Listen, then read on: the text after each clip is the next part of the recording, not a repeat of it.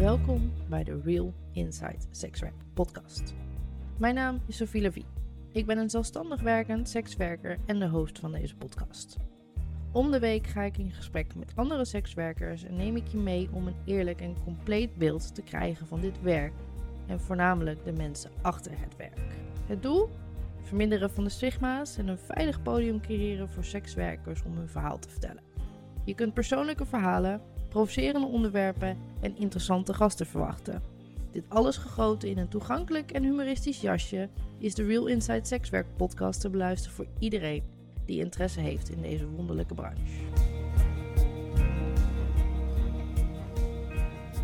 Hallo en welkom bij de derde aflevering van de Real Inside Sexwerk podcast, wat nog steeds echt een mondvol is. Zoals jullie horen ben ik een klein beetje verkouden. Ehm, dat zullen jullie in mijn stem waarschijnlijk nog wel even blijven horen. Ik probeer niet te veel te snotteren, maar pin me er niet aan vast. Ik zit hier met Sascha. Uh, wij hebben net, net als dat ik dat bij Melinda had, een veel te gezellig uh, gesprek gehad. Dat klopt. Waarbij het heel moeilijk was om van uh, de woonkamer richting de studeerkamer te vertrekken... om dan het serieuze gesprek met de microfoons erbij te pakken. Maar we zitten en we zijn er. Het is gelukt, het is gelukt. ja, dit, dit gaat een kenmerkend iets van mij worden, vrees ik. Dat denk ik ook, ja. Maar ik vind het ook oprecht heel erg leuk als je dan zo beneden in de woonkamer zit. Ja, hoe dat begint te flowen. En dat je gewoon merkt, hé, hey, dit zijn twee mensen die snappen waar het over gaat. En gewoon lekker met elkaar in gesprek gaan. Dus dat is ook graag de dynamiek die ik hier wil hebben. Ja. Ja, Sascha. Ja. Daar zit ze dan. Ik ben heel benieuwd. Jij uh, bent voormalig escort. Klopt. Dat heb je twee keer in je leven gedaan? Twee keer in mijn leven gedaan, inderdaad. En ik ben nu sinds uh, zeven maanden uh, niet meer actief. Maar inderdaad twee keer een periode als, als escort gewerkt. Ja. Oké, en escort, daar heb je natuurlijk verschillende soorten segmenten in. Ja. Ja, ik heb gewerkt als high-class escort. En nou ja, de dienst die ik verleende was de Girlfriend Experience. Ja. Oké. Ja, oké, hier krijg ik al munitie, daar gaan we. oh jee. um, want ik kom steeds meer tot de conclusie dat iedereen een andere definitie van high class heeft. Ja. En iedereen een andere definitie van de girlfriend experience. Ja. Wat is hem voor jou?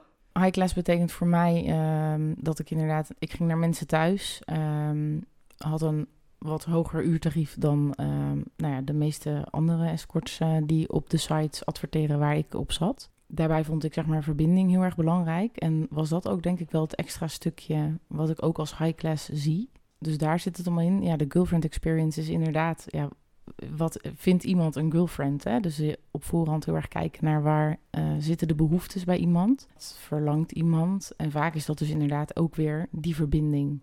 Ja. Ja. Want ik, ik krijg steeds vaker het idee dat in elk geval de grote boze mensenwereld denkt dat een girlfriend experience inhoudt dat je een perfect vriendinnetje bent. voor een x aantal uren. Hoe, hoe, zie jij dat? Um, op voorhand dacht ik zelf ook dat dat een beetje de verwachting zou zijn die, die mannen dan hebben. Ik heb eigenlijk veel meer gemerkt dat het gaat over echtheid. Uh, dus als je het hebt over uh, het perfecte vriendinnetje. Veel mensen willen gewoon graag verbinding. En zijn echt op zoek naar die connectie. En uh, dat seks daar een onderdeel van is, uh, nou, dat mag duidelijk zijn als je als escort voor de deur staat. Ja. Uh, maar dat het vooral gaat over, ze willen een oprecht gesprek. Ze zijn vaak ook oprecht geïnteresseerd. Ze willen graag aandacht, fysiek contact. En dat dat echt over de girlfriend experience gaat. Dus niet zozeer over de perfectheid ervan, maar wel over de verbinding ook weer. Dus dat betekent vanuit jou... Um, ja, dat klinkt heel dubbel, maar echtheid. Dus in de zin van, kijk, um, Sascha is natuurlijk mijn werknaam. Mm uh, en ook tijdens mijn werk als escort um, deelde ik niet over mijn privéleven.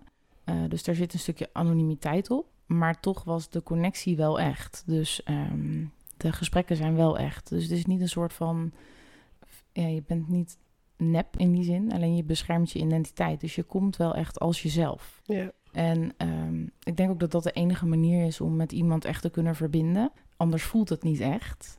En dat, dat is wel wat voor mij de girlfriend experience inhield. En wat ik ook echt wel merkte bij de klanten, zeg maar, dat dat ook wel vaak de wens was. Dus um, Geen perfect vriendinnetje voor een x aantal uur. Nee. Wat was überhaupt, eh, als jij naar eh, een klant ging, noemde je Ja. het klanten, noemde je het anders? Ja, eh, dates, klanten, mannen, ja. Dates, romantisch thee ja, drinken dates. Ja. op een hotel. Kopje thee. Was vaak wel het alibi. Dates, oké. Maar ik mag Ja. ze klanten noemen. Ik noem Zeker. ze altijd voor het gemak klanten. Ja. Want sec, sec is dat wat het is natuurlijk. Dat is wat het is. Ja. Ehm, Ja. nou ben ik mijn vraag kwijt. Goedemorgen. oh ja, hoe lang de gemiddelde date was die jij had? Eh, twee tot vier uur. Oh jeetje, Ja. Vier uur. En dat was dan wel vaak met een diner of ehm, nou ja, een uitje. Of een keer eh, natuurlijk veel hotels met sauna-complexen bijvoorbeeld. Dus dan was het eerst een hapje eten, even naar de sauna, dan naar de hotelkamer. Dus het was wel niet alleen maar naar binnen en eh, seks en we gaan. Natuurlijk, die zaten er ook bij. Mhm. En in het begin deed ik ook dates vanaf één uur. En op een gegeven moment ben ik ook wel gewoon geswitcht naar vanaf twee uur. Oké, want Ja. in één uur kun jij niet jouw girlfriend experience doen, denk ik. Eh, jawel, het had ook deels te maken met het feit dat er gewoon echt heel veel aanvragen eh, binnenkomen, eh, kwamen op dat moment. ehm, waardoor je ook selectiever wordt. En ik ook wel naast het sekswerk een grote mensenbaan had. en nog steeds heb. Eh, Ik vind waardoor... het zo grappig dat iedereen mijn terminologie ook gewoon overneemt. Ik ga hier helemaal in mee. Ik vind hem helemaal leuk, een grote mensenbaan. Ehm, ik zeg ook altijd, ik weet nog helemaal niet wat ik wil worden als ik later groot ben. Ja, dat vind ik ook een hele mooie. top.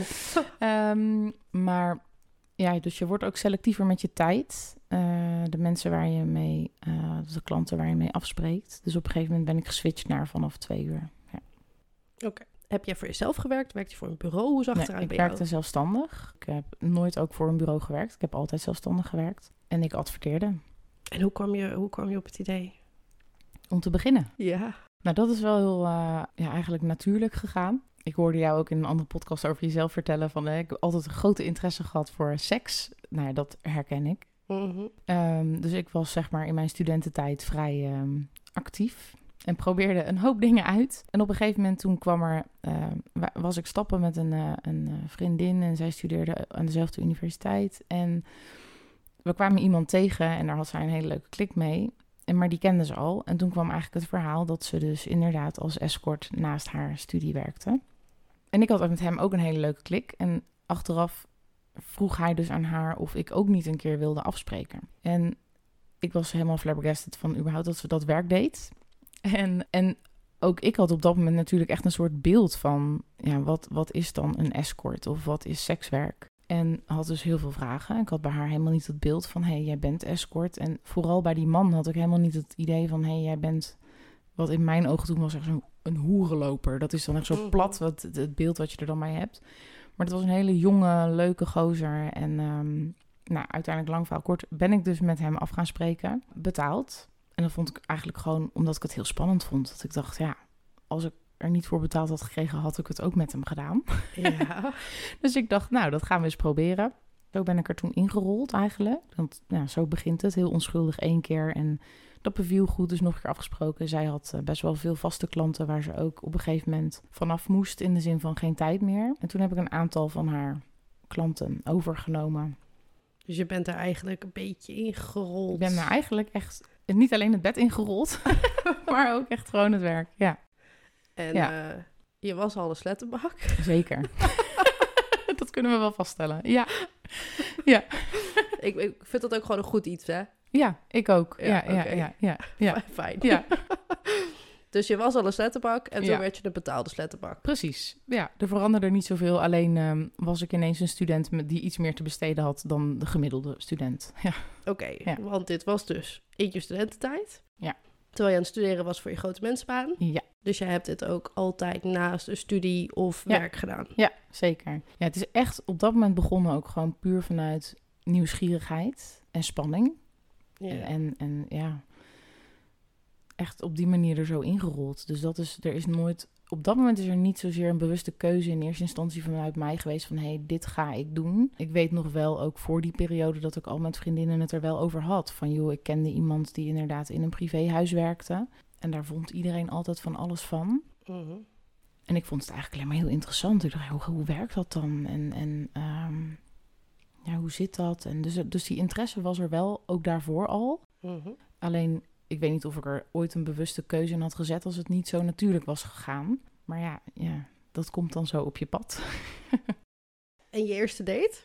Had je, eh, moest je een brug over? Of, of... Nou ja, ik had hem natuurlijk al gezien ehm, met het uitgaan. En dat was gewoon heel casual. Dus er was een soort van spanning, een leuke klik. En op dat moment dacht ik ook, nou, superleuke vent. Mhm. Dus die eerste date, tuurlijk is dat wel... Eh, ik vroeg aan haar, ja, hoe werkt dat dan? En moet hij dan van tevoren betalen of daarna? Of wat moet ik dan? Moet ik dan dingen uitleggen? Of, of moet ik go with the flow? Is allemaal van die dingen waarvan je de eerste keer denkt, ja, hoe werkt dit in hemelsnaam als niemand je dat uitlegt? Dus tuurlijk was er wel een bepaalde spanning, maar omdat ik hem al had gezien, dus het was geen vreemde, Mhm. eh, althans niet meer helemaal, ehm, ja, was het eigenlijk gewoon heel leuk. Het was een hele leuke avond. Ja. Grappig. Ja. Eh, Jij Ja. zit natuurlijk teg- tegenover me, dus ik zie jouw mimiek. Ja, ja, En ja. als jij hierover kletst, zie ik echt van die kleine pretoogjes. Ja, ja, ja, het brengt me helemaal terug. Denk ik, oh ja, dat was inderdaad dat gevoel. eh, ja, ja. Maar dat was je eerste keer. Ja. Ehm, en resume, dat was zelfstandig. Daarna begon je voor jezelf te adverteren. Ja. Hoe, hoe was dat?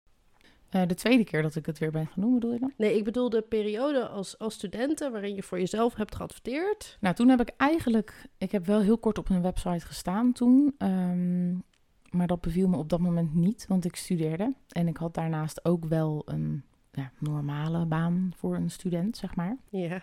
En via haar ben ik er eigenlijk ingerold en kreeg ik steeds meer klanten. Zij heeft toen wel voor een bureau gewerkt en daarna zelfstandig. Dus zij had op een gegeven moment best wel een klantenbestand die ze ook in haar eindfase van haar studie niet meer alleen kon dragen.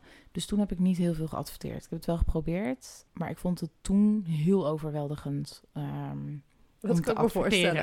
ja, Ja, Ja. dan wordt het in één keer wel heel erg grote mensen. Ja, en dan word Hoeren. je, ja, en dan word je, kijk, als je mensen krijgt via iemand, dan, ja, zij kenden die mannen al. Dus Ja. dan, weet, dan kan je ook vragen, oh, wat is het voor persoon? Of, dus er is al een soort van een iets warmere introductie naar iemand.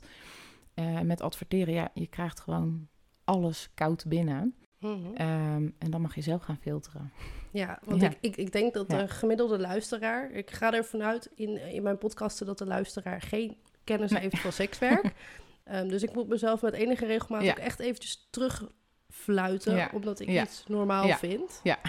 Ehm, want ik denk dat de gemiddelde luisteraar niet weet... dat als je voor jezelf adverteert... wat voor soort reacties daarop komen... of dat leuk is of dat niet leuk is. Kun je daar iets over vertellen? Nou ja, het adverteren houdt natuurlijk gewoon in dat je een advertentie plaatst op een site die daarvoor is. eh, ja, waar andere mensen dus op zoeken. En is daar veel aanbod voor in Nederland? Ja, er is best wel redelijk zijn er wat sites. Eh, er zijn natuurlijk eh, ja, een paar grote en bekende sites, maar er zijn ook wel wat kleinere. Kan je een profiel op aanmaken eh, met wat je doet, wie je bent, met foto's, met wat je wel of niet doet en met je contactgegevens. Ja. Voor sommige mensen is dat alleen een e-mailadres. Voor mij was dat een 06-nummer eh, met een aparte telefoon. Je had een hoerentelefoon. Ik had echt een hoerentelefoon. Ja, ik had drie telefoons. Een, een- eentje voor mijn grote mensenbaan, eentje voor mezelf en eentje voor mijn, voor mijn escortwerk. Ja. Dus dat was een hele organisatie. Eh, en dan denk je dus, nou, dan gooi ik het er eens op en dan ga ik eens kijken van eh, wat er dan misschien binnenkomt. Nou, daar ben ik wel echt eh, in die zin van de, de hoeveelheid geschrokken. Er waren gewoon dagen dat ik echt 50, 60 berichtjes kreeg. Waar je dan dus uit moet gaan filteren van wat is er echt. Want er komt ook een heleboel nep binnen. Mhm. Ehm, ook nare dingen komen er binnen. En dan heb je nog het stukje, ja, de klanten die serieus zijn. En dan moet je nog filteren. Zijn dat dan ook de klanten die bij mij passen? Dus dat houdt best wel wat in. En je moet dus, of je moet, ja, je reageert dus eigenlijk in in principe op elk berichtje wat je binnenkrijgt. Dus daar gaat best wel wat tijd in zitten. Ja, dit is één grote bron van herkenning vanaf Ja. mijn kant. Oh ja? Ja. Ja. ja. Ik heb ook een hoerentelefoon. Ik heb dus af en aan in mijn Ja. hoerencarrière... ehm, ja, soms noem ik het beestje gewoon, Ja, wat het ja, is. ja, ja, ja. Ehm, af en aan zelfstandig gewerkt. En elke keer dan was ik weer helemaal klaar met dat zelfstandig werken... en dat adverteren en al die stomme reacties. En dan gooide ik die stomme telefoon weer weg... want ik werd echt Ja, herkenbaar. gek van die telefoon.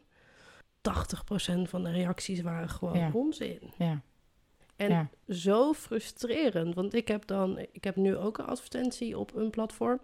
Daar staat heel expliciet, beste mannen, ik ben verschrikkelijk selectief in Ja. met wie ik afspreek. Ja. Kom met een goed verhaal, stel jezelf Ja. voor. Wat, Ja. wat zoek je, wat Ja. wil je, Ja. wanneer? Ja. En dan alsnog krijg ik wel eens Hé, schatje. Wil je escort vanavond? ja, of eh, niet eens hé schatje, maar gewoon hoi, wanneer kan je? Dat Oh, je denkt, ehm, nou ook hallo, en wie ben jij en waar kom je vandaan en wat wil je precies? Want jij hebt mijn hele advertentie al gelezen, maar ik weet niks van jou. ik, ik weet helemaal niet wie je bent en geen foto of iets. Vond ik altijd heel bijzonder. Op een gegeven moment ben ik wel ook oprecht gestopt met op die berichtjes te reageren. Ja, ik gooi ze er nu ook gewoon automatisch Ja, uit. ja.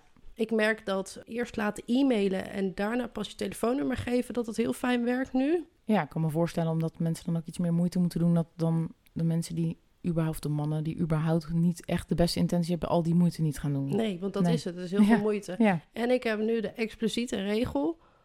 Is je berichtje korter dan drie regels, reageer ik niet. Nee. nee. En dat staat er Ja. zo helder.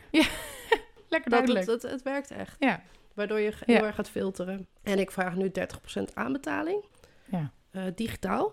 Slim. Dus iedereen die niet serieus is, raakt al afgehaakt. Maar goed, kijk, jij vertelt jouw struggles van Ja. voor jezelf werken. Ik heb ook mijn struggles door de jaren heen gehad. Ja. Ik heb alles fout gedaan.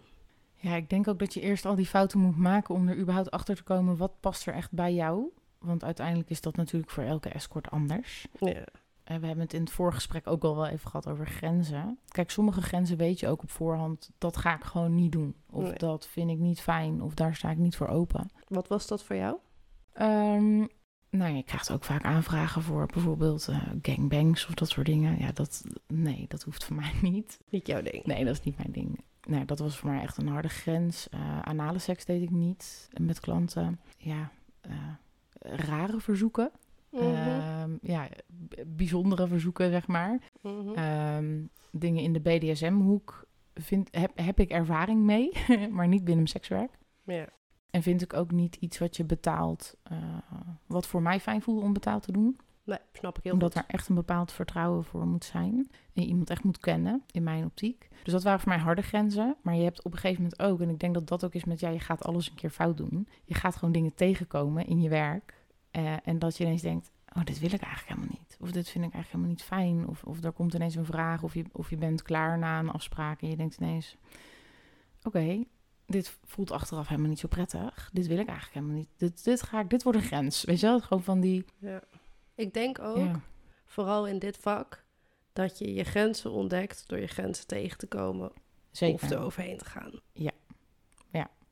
Ja, dat denk ik ook. En dat is Ja. bijzonder confronterend. Ja, en heel dichtbij, want mensen halen wel eens het voorbeeld aan van ja, in een gewone baan gaan mensen ook over je grens heen. En we hebben het net toevallig ook heel kort over gehad. Ja. Eh, dat klopt, maar omdat het zo fysiek is, zit het ook vaak echt in je lijf, zeg maar. Kijk, als je thuis komt na een dag werken op kantoor en je werkgever heeft iets aan je gevraagd dat je niet fijn vond of wat over je grens heen ging, dan is dat vaak iets wat in je hoofd Ja. opstapelt en daar kan je mee zitten, zeg maar. Eh, wat ik echt heb gemerkt is als het gaat over fysieke grenzen, dus bijvoorbeeld eh, ja, spanken, helemaal leuk, helemaal gezellig. Ja. Eh, maar als je dan vervolgens omdraait, krijg je ineens vol een klap in je gezicht die je niet aan ziet komen, dan denk je echt, oké, eh, die voel je s'avonds ook nog als je op de bank zit. Mhm. Hè? En de eerste keer dat dat gebeurt, ben je ook een soort van perplex. Dat je denkt, dat je ook zegt, nou, dit, dit gaan we niet doen. Maar dan is het dus niet alleen maar zeg maar in je hoofd, maar ook gewoon echt in je lijf. Heb je daar last van? Althans, bij mij sloeg dat zich wel echt op in mijn lichaam. Dus ik denk inderdaad dat het in dit werk, omdat het allemaal fysiek is. Of Was jij heel- je bewust van het feit dat het zich opsloeg in je lichaam? Was het echt een fysieke Ehm, gewaarwording? Nou ja, ik denk dat die bewustwording met de tijd is gekomen, zeg maar. Want in het begin, ja, wat je zelf ook zegt, je gaat gewoon die grenzen ontdekken door ze überhaupt te voelen. Nee.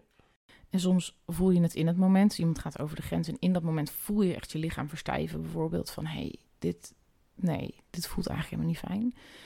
Maar er zijn ook echt wel momenten geweest waarin je tijdens een afspraak toch in een bepaalde flow komt en ergens in meegaat. En dan achteraf s'avonds gewoon op de bank zit bijvoorbeeld en echt denkt, ik voel zoveel spanning in mijn lijf. Mhm. Waar komt dat door? En soms komt er dan een enorme huilbui uit. Of ben je boos. of hè, eh, van die eh, emotionele vrouwendingen komen er dan. Maar Ja, zo, zo kun je het noemen. Of je hebt gewoon iets meegemaakt wat super veel effect nou ja, op je en heeft. ik, ik merkte zeg maar bij mij dat dan dat ik in het begin vooral zeg maar heel vaak dacht, ja, dit hoort er gewoon bij. Hè? Dus dat je dan daar wegloopt met een bepaald gevoel en dat je de hotelkamer verlaat en denkt, nou oké, dit was niet helemaal zoals ik het had voorgesteld, maar oké, dat is dan wat het is, want ik krijg ervoor betaald. En naar gelang je verder gaat, op een gegeven moment denk je, ja, nee, dit wil ik gewoon niet. En dit is gewoon een grens. En ja, ga je op, als je die grens eenmaal erkent en voor jezelf stelt, dan merk ik merkte in ieder geval heel erg dat ik dan dus ook niet meer, ook al was ik in de flow en dan ging iets een bepaalde kant op, Mhm. dan voel ik op dat moment al direct in mijn lijf. Dus voordat het gebeurde, voel ik mijn lichaam al eigenlijk zeggen: nee, dit is een grens. Waren dat dan altijd bepaalde dingen die iemand deed? Nee, dat kan ook echt wel een bepaalde energie zijn die iemand heeft, of een bepaalde vibe, of ehm, eh, waar we het net ook over hadden. Wat ik heb gemerkt is als mensen of mannen langer afspraken of, of meer wilden betalen, zeg maar. Mhm. Dat echt in dat high-class segment, dat er dan ook een bepaalde vibe hangt van... ik betaal jou heel veel geld om hier te zijn, dus jij bent van mij. En die, dan ga ik best goed op een beetje dominantie. Mhm. Maar de, dat, dat bezitterige, zeg maar, heel erg. En bepalende, dat vond ik bijvoorbeeld ook een grens. Want je betaalt mij, maar ik ben wel gewoon een individu, zeg maar. Ja. Ja, Dus dan voelde je je voornamelijk onveilig. ja, En dat hoefde niet per se iets, iets Nee. fysieks te zijn. Dat kon Nee. ook gewoon Ja. een verkeerde instelling van jouw klant zijn geweest. ja. En als we die verkeerde instelling van jouw klant definiëren, wat zou dat dan zijn? Ehm, respectloos. Ik denk dat dat wel, eh, dat, dat ik dat iets vind wat wel voor een bepaalde on- onveiligheid zorgt. Want op dat moment heb je zeg maar ook geen, ja, hoe zeg je dat? Als je met iemand, eh, voor mij ging sekswerk heel erg ook over verbinding. Ik denk dat dat belangrijk is om te benoemen. Eh, wat heb ik jou ook een keer horen zeggen van... als je echt een goede klik hebt met iemand... dan kan je eigenlijk alle kanten wel op. Eh, die is voor mij ook heel belangrijk. Dus om me over te geven en om eh, me open te stellen voor de ander... en samen in die energie zeg maar op te gaan... is een bepaald vertrouwen nodig. Mhm. Maar dat vertrouwen, dat komt wel ook met een bepaalde vorm van respect. Dus op het moment dat jij het gevoel hebt dat iemand jou respectloos behandelt... of benadert of eh, toespreekt... dan is er al gelijk een stuk minder vertrouwen. En dan kom je eigenlijk veel minder in die verbinding. En ja, op dat moment voelt dat wel, zeg maar, niet per se direct onveilig, maar ook niet veilig om mezelf bloot te geven. Wat jij eigenlijk heel graag wil, want je zoekt die verbinding op. Ja, ja, want het is niet alleen, voor mij was het niet alleen maar dat wat de klant wilde. Nee. nee, seks is een, ja, dat doe je in dit geval met z'n tweeën of met meer mensen. Dus dat is wel een samenspel. En dat houdt in dat ik het ook belangrijk vond dat ik er ook plezier uit haal. Ja. En ja, de mannen, de klanten waar ik mee afsprak, vonden dat over het algemeen zelf ook belangrijk. En die zeiden ook, ja, ik wil ook wel gewoon dat jij het ook fijn vindt. Want anders kan ik het niet eens. Of dan is het voor mij ook alsnog niet fijn. Dus dan is er wederzijdse interesse, Ja, ja, wederzijdse connectie, wederzijdse kwetsbaarheid. ja. en wederzijds respect eh, voor, hè, voor elkaar en, en begrip. En ja, ik denk dat ik dat, dat dat in de energie, zeg maar, al wel anders kan voelen op het moment dat iemand daar een andere vibe in heeft, zeg maar. Ja, ik begrijp je natuurlijk Ja, volledig. Ja, ja, ja. Ik, ik vraag hem even heel erg door. Ja, Kijk, ik ja. had je na zin 1 natuurlijk al. ja, dat weet ik. Maar ik vraag even door, omdat ik heel graag aan de luisteraar die sekswerk niet kent, wil Ja. eh, voornamelijk wil, wil meegeven: hey, wij wilden er ook iets uithalen. En Ja. dit was Ja, plezier. En Ja, dit is iets zeker. van jezelf Ja. geven, wat niet te koop is. klopt. Ja, dat klopt. Ja, want dat is uiteindelijk niet... Kijk, eh, plat gezegd, mensen betalen voor seks. Mhm. Dat is hoe we het zien. Maar uiteindelijk is seks helemaal niet hetgeen wat ik heb ervaren als waar de meeste mannen behoefte aan hadden. En wat was dat dan wel? Een verbinding, gezien worden, affectie, Mhm. dat eigenlijk. En dat seks daar een onderdeel van is, ja, dat is wat het is. Ja. Maar uiteindelijk merkte je wel vaak dat zeker de, eh, de klanten die ik vaker zag, dus echt vaste klanten, die hadden allemaal een verhaal. Ja. En dan gaat het helemaal niet over de standaard, eh, nou ja, in de volksmond hoerenloper. eh, die alleen maar gewoon voor de seks gaat. En natuurlijk, die zijn er ook echt. Maar uiteindelijk waren er ook een heleboel mannen met echt een heel kwetsbaar verhaal. En die ook hun, eigenlijk gewoon hun verhaal heel graag wilden delen. Dus eigenlijk op zoek waren naar heel erg menselijk contact. Ja, Van Ja. een bijzonder aantrekkelijke, het mag gezegd worden, dankjewel, dankjewel. jonge dame. Ja, ehm, waar intimiteit en seksualiteit een onderdeel van is. ja, ja. Klinkt alsof dat mensen waren en alsof jij van je hobby je werk hebt gemaakt. eigenlijk wel. Ja, ja, ja. En toen ik met jou, ehm, ehm, ik doe met iedereen die hier te gast is, doe ik een telefoongesprekje en dan probeer ik even in vijf minuten, zonder dat ik te veel van iemand wil leren kennen, te Ja. achterhalen, hey, wie is deze persoon, hoe heeft diegene zijn sekswerk ingericht. En toen kwam bij ons, in ons telefoongesprek, kwam al super snel naar voren dat jij grenzen direct benoemde. Nou ja, die hebben we net Mhm. even aange- aangetikt. ja. Eh, maar ook jouw eigen persoonlijke ontwikkeling. Ja. Nou ja, wat, eh, wat ik heel mooi vond, is dat ik uiteindelijk, denk ik dat ik mijn hele leven, ook als ik mijn moeder moet geloven, best wel een sterke persoonlijkheid heb gehad. Mhm. Al heel jong aangaf wat ik niet wilde, ehm, of wat ik wel wilde vooral ook. En dus altijd best wel de overtuiging had dat ik heel goed was in het benoemen wat ik nodig heb, wat ik wil, wat ik, wat ik niet wil en mijn grenzen aangeven. En uiteindelijk heeft het sekswerk mij dus best wel laten zien dat dat op heel veel vlakken dus helemaal niet zo was. En dat ik dus best wel vaak toch nog in de please-stand stond, zeg maar, voor andere mensen. Of voor een ander invulde op voorhand. Van ja, als ik nee zeg, of als ik een grens aangeef, dan vindt de ander daar dit of dit of dit van. Ja. En ehm, of dan eh, wil iemand geen contact meer. Of dan is iemand boos op mij. Of dan, ehm, eh, nou, noem maar op. Dat zijn allemaal van die aannames die je dan doet. En eigenlijk door sekswerk ben ik me daar heel bewust van geworden. Omdat ik dus merkte dat hoe duidelijker ik mijn grenzen aan ging geven, hoe meer ik klanten kreeg die ik ook echt wilde aantrekken.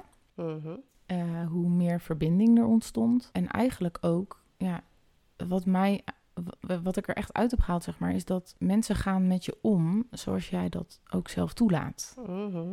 En dat was voor mij echt wel een bewustwording in de zin van, ook in het dagelijks leven. Kijk, je kan heel veel vinden van hoe de mensen om jou heen met jou omgaan, maar je staat het wel zelf toe. En ik merkte dus in dat sekswerk dat ik dacht, hoe harder ik mijn grenzen ging aangeven en hoe stelliger ik erop bleef staan, hoe beter dat contact eigenlijk werd. En hoe fijner ik vond dat mensen met mij omgingen. En ja, dat kon ik dus ook in mijn privéleven ineens veel meer doortrekken.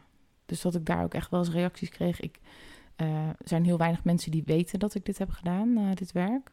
Ehm, dus dat was wel grappig, dat mensen op een gegeven moment tegen me zeiden... nou, wat is er met jou aan de hand, joh? Je zegt ineens elke keer nee. Dan dacht ik, ja, je moest dus weten, want, maar daar heb ik heel goed op geoefend, zeg maar. Ja, Ja, ik denk ook niet dat je in sekswerk anders kan. uiteindelijk niet, denk ik. Tenminste, ook, ook Ja. dat. eh, als je authentiek in dit vak staat en een heel groot Ja. stuk van jezelf geeft, want dat Ja. is het, Ja. dan word je geconfronteerd met dingen in jezelf die gewoon nog niet, nog niet oké zijn. Klopt. Die we allemaal hebben. Ja, klopt. Dus je gaat zeker. in stroomversnellingsvaart Ja. eh, de confrontatie met jezelf aan. En het moet, want als je het niet doet, dan komt je veiligheid in het geding. Ja. Als je een Ja. lastige klant hebt Ja. die iets doet wat verschrikkelijk over jouw grenzen heen gaat, je moet nee zeggen. Ja. En doe je het niet, Ja. dan heb je jezelf Ja. gewoon Ja. beschadigd. Ja, en zeker als, als je volledig zelfstandig werkt en dus met je eigen auto ergens heen rijdt en niet heel veel mensen weten wat je doet, Ja. ben je best kwetsbaar. Of best behoorlijk kwetsbaar. Ja. En ook daarin geldt, ja, door fouten maken leer je. Dus eh, de- dat gaat ook wel eens, nou ja, niet mis in de zin van...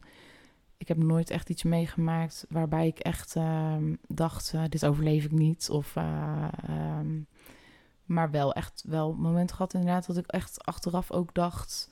Dit was echt heel dom. Ja. En vaak, als ik daar inderdaad op terugkijk, wat jij ook zegt, zijn dat ook periodes geweest waarin ik eigenlijk niet zo lekker in mijn vel zat. Of waarin er bijvoorbeeld privé heel veel dingen speelden. Of ehm, te moe was en dan toch nog maar die klant deed, want ik had van de week geen tijd meer. Of Mhm. eh, ik had ook best wel een selectieprocedure in de zin van voordat je met iemand afspreekt, welke stappen doorloop je dan? Nou, dan had ik wel eens, ik heb wel eens gehad dat iemand dan bijvoorbeeld een, een, een afspraak afzei. En dan kwam er ineens een berichtje van iemand anders tussendoor. En daar reageer je dan op. En dan sla je dus voor jezelf een paar stappen over. Want je bent moe en je hebt toch die afspraak. Dus je hebt al bijvoorbeeld iets geregeld. Nou, en dan achteraf kom je daar en dan denk je... Ja, dit had ik dus echt niet moeten doen. Want het gaat over mijn veiligheid. Mhm. Dus die, die grenzen en ehm, dus naar jezelf luisteren vooral ook. Eh, ben je te moe? Zit je niet lekker in je vel? Luister daarnaar. Ja, en de enige Ja. die jou daarin eigenlijk kon raadgeven, was Ja, jij zelf. Dat ben je zelf, ja. ja. Ja, en dan kom je jezelf dus in het sekswerk heel hard tegen als je dat niet doet. Hoe heb jij dat ervaren? De, je vertelt net dat je het aan weinig mensen verteld hebt. Mhm. Aan de ene kant is dat natuurlijk heel eenzaam. Mhm. Want ja, je leidt wel echt gewoon een dubbel leven. Aan de andere kant bracht dat dus ook wel weer een soort van ja, spanning met zich mee. En ook wel ergens het... eh, want uiteindelijk... eh nou, Sascha is natuurlijk mijn werknaam. Ik heb ook nog een gewone naam. Maar dan Nee, heb je... echt? Ja, echt, echt, echt. Ja, ja, ik ben niet, dacht ik dat ben jij- niet niemand. Ik dacht dat jij vastgeketend in de kelder lag als Sascha. Ja, dat ging we toch niet benoemen? Nee, maar ehm, ehm, uiteindelijk, Sascha is, iemand, is, is een, een bepaalde rol, maar is wel een deel van mij ook. Ehm, voelde het ook best wel heel fijn om in die rol te stappen op het moment dat ik in de auto stapte. Wat je dus niet met iemand deelt. Dus dat klinkt misschien heel Ja, raar, ja. maar... Nee, het klinkt, klinkt voor mij helemaal Nee, niet ja, raar. ik zit ook te denken, hoe leg ik dit uit aan een luisteraar die denkt echt, nou, die, die, Maar die, meid- die, meid is, lult helemaal- die die meid is helemaal gek geworden. Ja, maar alle Ehm. luisteraars die nu gaan luisteren, die luisteren gewoon mijn hele podcast. Ja, En dan gaan ze langzaam maar zeker alle Ja. puzzelstukjes bij elkaar kunnen rapen. Ja. ja. Want Ja, en je moet ook blijven luisteren, want het is te interessant. precies, dus dat ze er nu allemaal geen hol van snappen. Ja, Ik doe mijn best om het een beetje uit te leggen. ja, ja. ja. Ik moet soms ook echt denken inderdaad van... oh ja, je moet wel even beseffen dat niet iedereen Nee, helemaal weet waar het over gaat als je... Nee, dat is het grote risico van het feit dat wij ook alle twee dit werk doen. Ja. Eh, we slaan nogal Ja. wat stapjes over. Ja. Dus ehm, misschien dat ik op Ja. termijn ook een derde persoon erbij wil gaan vragen. Wel heel interessant, denk ik. Die echt Ja. geen kennis en kunnis van dit vak Ja. heeft. Om dan inderdaad de nood... Joh, waar hebben jullie het over te Ja, hebben? kunnen we even terug. Ja, jullie lullen Ja. als sekswerkers, jongens. Doe even normaal. ja, ja, ja dat, is, dat is wel mooi. Want ik denk inderdaad... Zeker dat, wat ik zeg, dat aannemen van die rol, zeg maar. Dus Mhm. dat, dat, echt in dat stukje van jezelf stappen... wat je meeneemt op afspraak. Zo zie ik het eigenlijk. Dat is gewoon onderdeel van wie je bent. Alleen in het dagelijks leven kan die kant er misschien niet altijd zijn. Of ehm, kijk, uiteindelijk hebben we allemaal verschillende rollen. We zijn één persoon, maar je neemt overal. Hè, je bent bij je ouders ben je kind en eh, bij grote mensenbaan ben je misschien in loondienst of je bent ondernemer of eh, je bent een vriend van die of een vriendin van die. Het zijn toch allemaal bepaalde rollen waarin je een bepaalde kant van jezelf laat zien.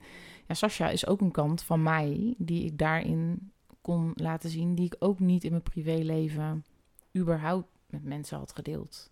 Ook als ik wel eerlijk was geweest over mijn sekswerk. Omdat het ook gewoon voelt als zijnde iets van mij. Dus ik ben er wel open over. Ik ben altijd heel open geweest over seks überhaupt. Of over, over hoe ik daar naar kijk. Of, of... Maar het is nou niet zo dat ik dat ook bij, bij wijze van spreken met mijn ouders deelde. Oké. Nee. En als je dan wel zo'n confronterend moment met jezelf had gehad... Mhm. dan stap je in de auto en dan rij je terug naar huis. Ja. Hoe was dat? Nou ja, wat ik al zei, soms had je dat direct. Hè? Dus je doet die hotelkamerdeur, die doe je dicht. En je denkt echt, oh, dit was echt heel kut. Mhm. Sorry voor mijn woorden. Ehm, Knip het eruit. ja, helemaal goed. Dat was echt heel vervelend. Maar eh, ja, dan stapte ik in de auto en heb ik wel eens gehad dat ik inderdaad in de auto al ontladen, zeg maar, door bijvoorbeeld te huilen. Of dat ik echt dacht, jeetje, dit wil ik echt niet. Ehm, de twee vriendinnen die dit wisten, heb ik ook wel eens gebeld. Dus ik heb inderdaad ook wel eens iemand gebeld en gezegd van, joh, ik ben even niet oké, kunnen we even kletsen? Ja. Ehm, wat mij soms ook hielp als ik bijvoorbeeld... Kijk, dat is dan als je bijvoorbeeld emotioneel... ehm, als ik emotioneel was of als ik merkte dat iets me echt raakte waar ik verdrietig van werd. Ik heb ook wel eens weggaan dat ik eigenlijk gewoon dat, dat ik dacht, ik ben gewoon hartstikke boos. ik, ben, ik vind het helemaal niet leuk, ik ben gewoon boos. Nou, wat voor mij dan werkt was er gewoon keiharde muziek opzetten en eh even meeschreeuwen in de auto. Ja, dat ontlaat ook. Oké, ik was even afgeleid. Kijk, ik ben natuurlijk gewoon eigenlijk een, een ras-echte beunhaas. Met een goede apparatuur, maar gewoon een beunhaas. Ja. En mijn vriendinnetje moest naar bed. Dus die was Ja. geluid aan het maken. Ja, Dus- ja, Zij was zo mooi haar verhaal aan het vertellen en ik was afgeleid. ja. Nee, dan ben je toch ook ineens maar weer gewoon een mens. Ja, Wauw. terugkerend thema hier. hè? ja. Je zou het bijna niet zeggen, hè? Maar ja. Nee, ja, ehm, het, ja. We hadden het over ontladen. Of hoe ga je ermee om op het moment dat, dat iets niet fijn was of zo. Ja, wat, wat ik me voornamelijk afvroeg, en hier zit een stukje projectie van mezelf in. Mhm. Ehm, toen ik begon als zelfstandig, en ik had dat ook. Iemand was heel subtiel over mijn grenzen heen Ja. gegaan. En ik kon het nog niet helemaal definiëren. Bij Ja. mij duurde het heel Ja. lang voordat we indaalden... joh, wat is er nou eigenlijk? Mhm. En dan kon ik er met niemand over praten. Ja. En dan zat ik in de auto en dan begon mijn lichaam te ontladen. Want stress en trauma, het gaat in je lichaam zitten. En dan komt het los en dan snapte ik het niet. En dan kon ik niet, Ja. kon niet de vriendin bellen. Yo, Nee, wat Ik heb- nou meegemaakt? ja. Ja. Dat, tenminste, dat vond ik altijd heel Ja. lastig. En ik merkte dat ik dat in het begin inderdaad ook lastig vond. En dat dat inderdaad wel ook iets is wat de eerste paar keer inderdaad op die manier bij mij ook wel ging hoor. Of dat ik wegging en dat ik dacht, ik voel me zo naar. Maar dat ik helemaal niet de vinger kon leggen op waar komt dat nare gevoel dan vandaan. En dat dat inderdaad dan pas later zeg maar kwam. Of dat een vriendin me eigenlijk bij toeval vroeg. Eh, degene die het dan wist. Van, eh, joh, heb je nog dingen meegemaakt? Of, eh, en dan zat ik dat in geuren en kleuren te vertellen. En dan zei ze op een gegeven moment, zat ze me echt aan te kijken, zei ze, vind je dit heel normaal? en toen zei ik, nou ja, ehm, ja, dat weet ik eigenlijk niet. Toen zei ze, nou, sorry, maar volgens mij, als ik, ik ken jou ook als mens, Mhm. ehm, past dit helemaal niet op die manier bij je. En doordat een ander dan inderdaad dus die spiegel voor hield, dacht ik echt, oké, wat, ja, wat vind ik hier eigenlijk echt zelf van? Ja. En dat heeft wel op bepaalde momenten inderdaad gezorgd dat ik dacht... ah, daarom voelde ik me daar achteraf zo naar over. Ja. Daarom had ik zo'n rotgevoel in mijn lijf. Of daarom moest ik huilen, terwijl ik niet eens wist waarom ik moest huilen. Of was ik de hele dag een beetje bozig, omdat ik het eigenlijk helemaal niet fijn vond. Dus dat herken ik wel, dat het in het begin zo ging. Wat ik me wel afvraag, want jij werkt natuurlijk nu ook voor clubs. Gelijk denk ik dan, wordt daar op die manier aandacht aan gegeven? Want die kant van het sekswerk ken ik dan niet.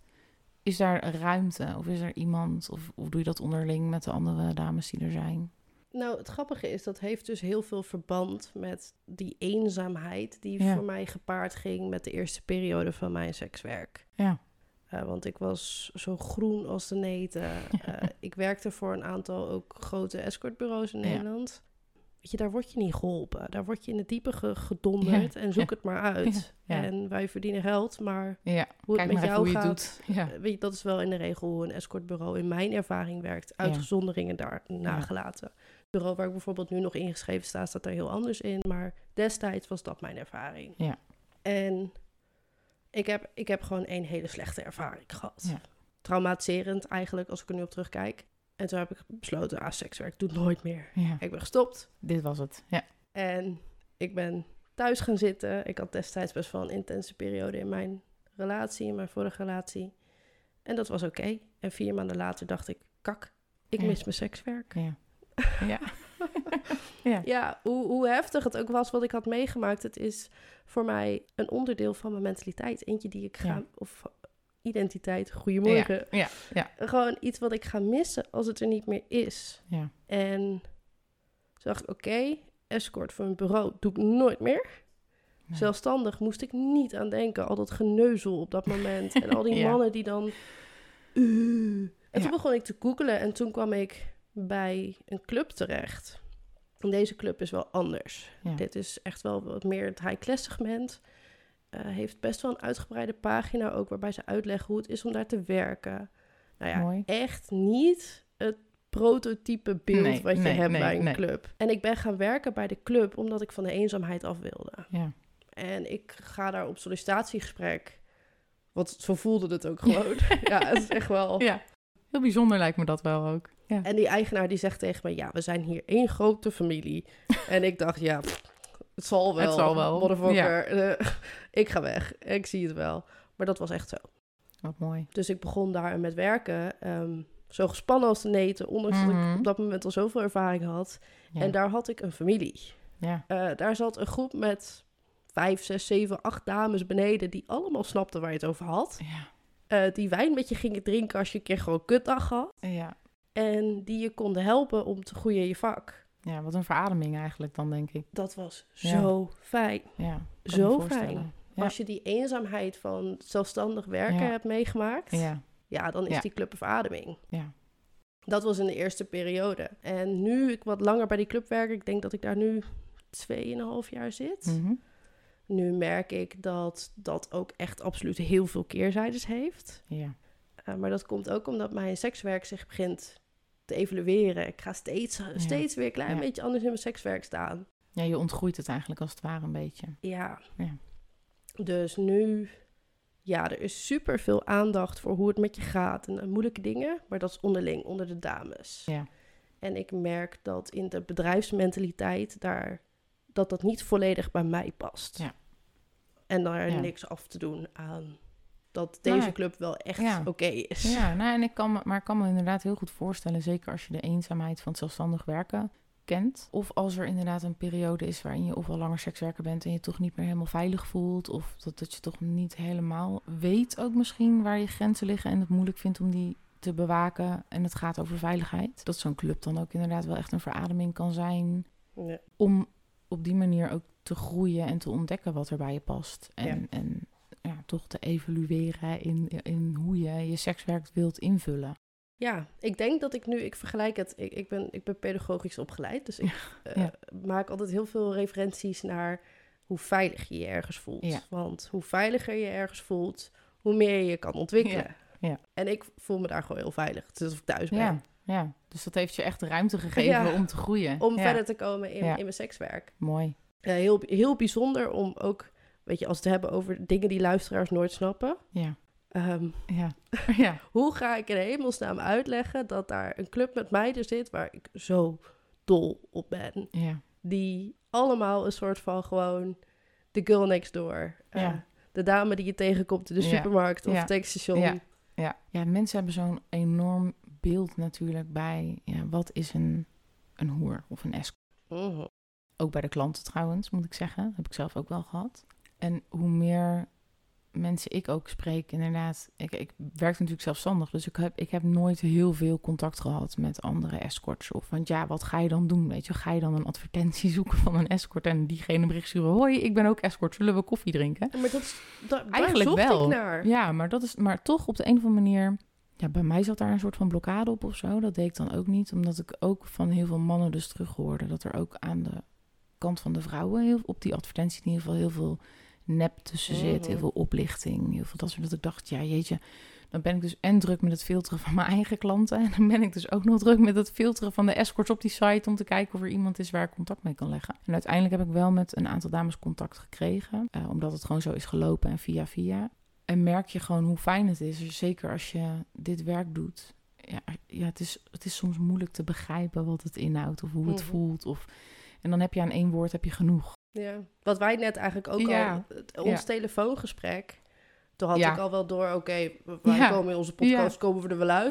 Maar jij hebt natuurlijk ook de Let's Talk Love show geluisterd, waar ik zelf de gast was. Dus jij hebt eigenlijk al superveel van mij gehoord. ja, dat klopt. ja. Het was echt heel mooi, want ik zag op Instagram dat je daar inderdaad geïnterviewd werd. En toen dacht ik, god, dat is misschien eigenlijk wel fijn, want dan weet ik ook met wie ik praat. mhm. En daar zat zo ongelooflijk veel herkenning in die podcast, dat ik echt dacht, oh wauw, dit wordt een heel bijzonder gesprek. Ja. Want dat, en dat is wel heel fijn, want dan voor de luisteraar misschien inderdaad lastig, want wij moeten echt opletten dat we niet eh, tien stappen overslaan in, in het gesprek. Dus dat vergt wel wat denkwerk. Maar dat geeft wel, als je het hebt over veiligheid, een veilig gevoel om, eh, om met elkaar in gesprek te gaan. Ja. Ja. Wat waren jouw grootste herkenningspunten? Nou ja, echt heel veel. Ja, ook wel waarin jij heel erg aangaf dat er dus inderdaad fases zijn waarin je er echt ook wel klaar mee was. Ehm, dat vond ik herkenbaar, want dat heb ik ook echt gehad. Dat je echt gewoon bijvoorbeeld een week hebt, je hebt een rotweek, je hebt meerdere klanten gezien en ineens zijn die afspraken, liep het allemaal niet helemaal lekker. Dat ligt dan ook vaak wel, vond ik bij mezelf, omdat ik dan ook niet lekker in mijn vel zat. Maar dat ik dan ook wel zeg, dacht, jeetje, ik ben er echt klaar mee. Mhm. En dan gooide ik die eh, hoerentelefoon aan de kant. En dan dacht ik, nou, deze week niet. En dan na een week dacht ik, ja, dan mis ik het toch wel weer. Dus dat, dat is- oh, die herkende ik heel erg. Ja. En ik had er net nog eentje. Nou ja, wat je zei inderdaad van eh, het zelfstandig werken met de hoeveelheid berichtjes. En hoe overweldigend dat is. Eenzaam en overweldigend. Dat herkende ik. Dat ik echt dacht, ja, dat vond ik echt wel heftig. En vooral ook waarin jij zei, op het moment dat je zelfstandig werkt. En ik denk dat heel veel mensen die luisteren dat niet beseffen. Inderdaad, je gaat er echt mee naar bed en je staat ermee op. Dus Ehm, want het werkt vaak wel gewoon zo. Heel veel mannen bedenken, ik wil dit nu. Mhm. Die eh, sturen een berichtje. En dan is het niet per se nu van je moet nu een uitstapje, nu komen. Maar het is wel vandaag, morgen, ergens deze week. Je hebt een planning. Ik had ook een grote mensenbaan. Dus je bent toch wel ook zelf aan het kijken van ja, waar in de week kan ik tijd vrijmaken voor dit werk? Wat komt er binnen? Dat moet je filteren. Dus het is echt een dagtaak. En dat vond ik wel op een gegeven moment ook echt dat ik dacht, ja weet je, het Sasha is een onderdeel van wie ik ben. Maar ik ben er onderhand wel de hele dag mee bezig. Want de telefoon zat ook in mijn tas als ik op mijn werk was. Ja. Mijn groot menswerk. En dan toch tussendoor, dan kijk je een keer en dan denk je, oh, 25 berichtjes. Oh, shit. En ik moet vanavond, heb ik een afspraak, dus ik heb geen tijd om te reageren. Nou, dan reageer je toch of even snel. Dus je bent heel erg in de ban van dat. En wat ik heel erg herkende in jouw verhaal daarin, was dat ik ook het onderhouden van de band met je vaste klanten. Mhm. En dat is niet alleen maar, hey, kom je dan en dan weer langs, maar ook, hey, hoe is het met je? Dat sturen ze dan ook naar jou. Ja, ik, omdat het voor mij ook gaat over verbinding en plezier voor mezelf, vind ik dus het is ook belangrijk dat er een verbinding is. Dus daar gaat gewoon heel veel tijd in zitten als je dat allemaal bij elkaar optelt. Het zou bijna net een echte baan zijn, zou je zeggen. Het, het, het, het, het moet, het zou je verbazen, maar het is werk. Het is ook echt werk, ja. Hoeveel eh, procent van de tijd vond jij eh, je werk leuk? Nou ja, wat ik al zei, de, de, ehm, de afspraken aan zich, zeg maar, vond ik bijna altijd leuk. Op de mindere ervaringen na heb ik daar altijd wel echt plezier uit gehaald. Het voorwerk, dus inderdaad het adverteren, het appen, het filteren, het onderhouden. Dat vond ik, nou ja, ja dat vond ik niet per se leuk. Maar Vooral omdat er gewoon heel veel tijd in gaat zitten. de meeste dames slaan dan de korte klap en die Mhm. gaan samenwerken met een escortbureau. Ja. Waarom heb je dat niet gedaan? Ja, toch een bepaalde zelfstandigheid. En ik heb wel gekeken. Dus ik heb wel in die periode meerdere malen gekeken naar escortbureaus. Maar als ik heel eerlijk ben, vind ik ook vaak de verdeling qua inkomsten echt Mhm. heel onterecht. Helemaal eens. En ik ben één keer op gesprek geweest. Want voor onze eh, lieve leek-luisteraar, waar moeten we Mhm. aan denken? Nou ja, 40, 60 soms. Dus dan gaat er 40% naar jou en 60% naar je bureau? Of draaien we hem om? Andersom. Er gaat 60% naar de dame. Ja, dat is in ieder geval. Het, dat, ik ben bij één bureau op gesprek geweest. Die stond, daar stond namelijk bij, dat vond ik heel grappig. Eerlijke verdeling of zo stond er op de website. Ja. En toen kwam ik daar en toen was het, ja, maar het, het was niet eens alleen de verdeling. Er kwamen nog kosten bij die je dan ook nog moest afdragen daarbovenop. En al met al ging ik daar weg en toen dacht ik, oké, dit is allemaal heel erg leuk en het verhaal is prachtig. Mhm. Maar welke zekerheid heb ik vanuit het bureau? Nou, dat is dan dat ik dus niet zelf de klant hoef te regelen. De kanttekening daarbij is dat ik dus ook niet weet waar ik heen ga. In de zin van dat voorcontact is er dus niet, of minimaal. Dus dat filteren van voelt het oké, dat ligt dan ook niet meer bij mij. Dus dat vond ik een heel groot nadeel. En uiteindelijk was dit ook, ja, zij regelen het, maar je moet er alsnog zelf heen. Je Ja. bent alsnog zelf in die hotelkamer. En als jij help roept, staan zij ook niemand. niet op de gang. Dus Nee. uiteindelijk dacht ik, ja, vind ik dit eigenlijk helemaal niet zo fair. Oké, dus jij vindt eigenlijk dat je betaalt voor een schijnveiligheid. Ja. En ze ontnemen je niks uit je handen behalve Ja, het leggen van contact. leggen van contact. Wat jij Ja. wel een heel erg belastend onderdeel van jouw zelfstandig werk vond. Ja. Ja, ik heb dat echt af, af moeten wegen in de zin van, vind ik het dan dus zo vervelend dat ik dan bereid ben om daar een deel van mijn inkomen in eerste instantie ook Ja, natuurlijk maar je moet je voorstellen, even weer voor die, voor die Mhm. leek. Ja. High-class escort. Ja. Eh, bij het bureau waar ik nu ingeschreven sta is twee uur 600 euro, Mhm. drie uur 900 Ja. euro, vier Ja. uur 1100, zoiets. Ja. Dat gaat die kant op. Ja. Nu zijn er vast heel veel mensen met hun oren aan het klapperen, maar ja, dit zijn de Ja. bedragen. Daarvan gaat, van die 600 euro, laten we die, laten we die rekenen, gaat dan 30 of 40 procent gaat naar je bureau. Ja. Ehm, maar goed, dit is natuurlijk hartstikke wit. Precies. Uh, dus er gaat ook nog een derde bij de meeste mensen, bij sommige mensen zelfs 52 procent, afhankelijk van klopt. hoeveel inkomens je hebt, Gaat er ook nog af. gaat naar je belastingdienst. Ja. Ehm, maar jij hebt daarvoor gewerkt. Ja, en ik denk, en dat is misschien ehm, ook heel moeilijk uit te leggen als je dat werk niet gedaan hebt. Kijk, uiteindelijk zou je dan zeggen van, joh, wat hou je dan over? Dan hou je dus voor een normale baan, dus mensen die gewoon een normaal ja, modaal inkomen hebben, zeg maar. Die zouden dan misschien denken, ja, maar nou, je hebt toch nog gewoon 175 euro per uur over of zo. Dat is superveel geld. En dat ben ik eens. 175 euro per uur netto overhouden is best wel geld. Maar aan de andere kant, ja, je geeft ook wel echt iets van jezelf. En ik vind nog steeds dat als de klant, zeg maar, die 600 euro neerlegt. Ja. En de vrouw daar, hè, of de escort, of eh, haar lichaam geeft en haar verbinding en een stukje van zichzelf echt. Mhm. Ja, is die verdeling dan fair? Voor mij voelde dat niet zo.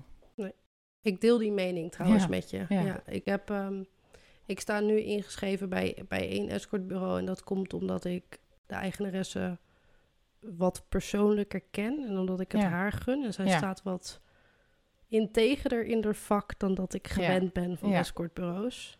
Met de keerzijde, weet je. ehm, ik werk zelfstandig, ik werk in een club. Daar komt geld vandaan. Ja, Van mijn escortbureau heb ik de afgelopen drie maanden geen enkele Nee.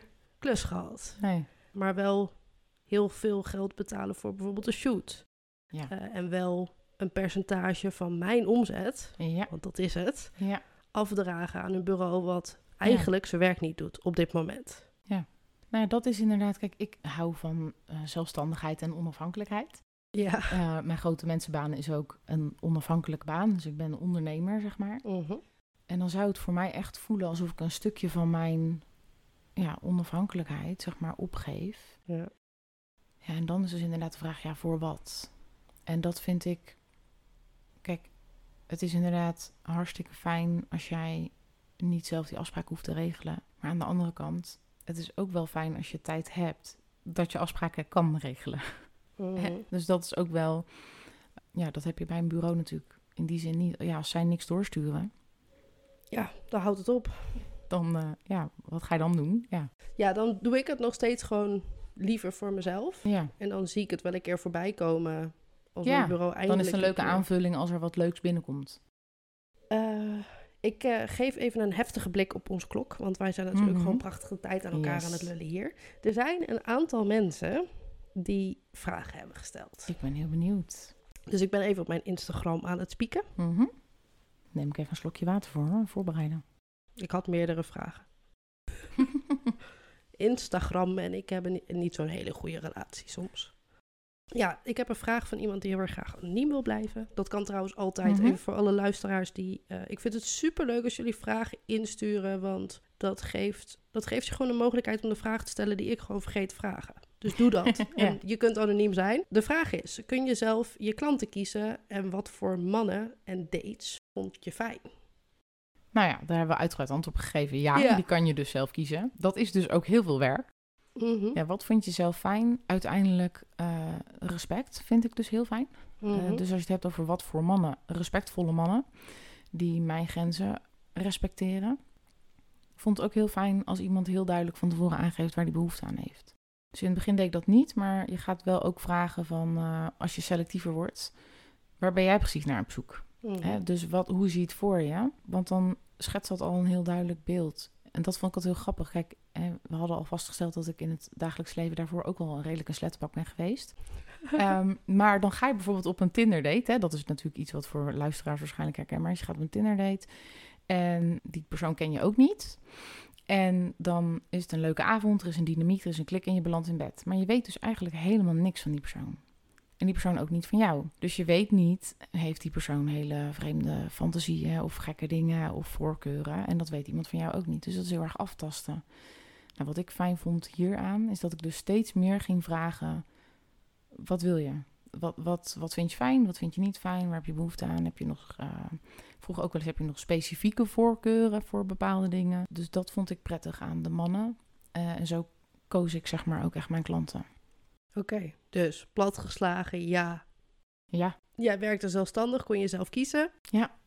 En ik hoor bij jou voornamelijk respect heel veel terugkomen. Ja. Dat je met respect behandeld wilde worden Ja. door je, je klanten. Ja, en ik had wel heel veel, als je het hebt over wat voor type mannen, denk ik, ja, hoe kan je dat beeld schetsen? Op de een of andere manier waren het bij mij vaak ondernemers. Ja, Ja. snap Eh, ik. en, en wel mannen van bepaald ja, niveau. Dat klinkt misschien een beetje lullig, maar ja, waar ik ook wel echt een, een gelijkwaardig gesprek mee kon voeren. Ja. En op die manier dus ook een bepaalde verbinding of connectie maakte. Ik heb inderdaad ook echt zo'n prototype klant.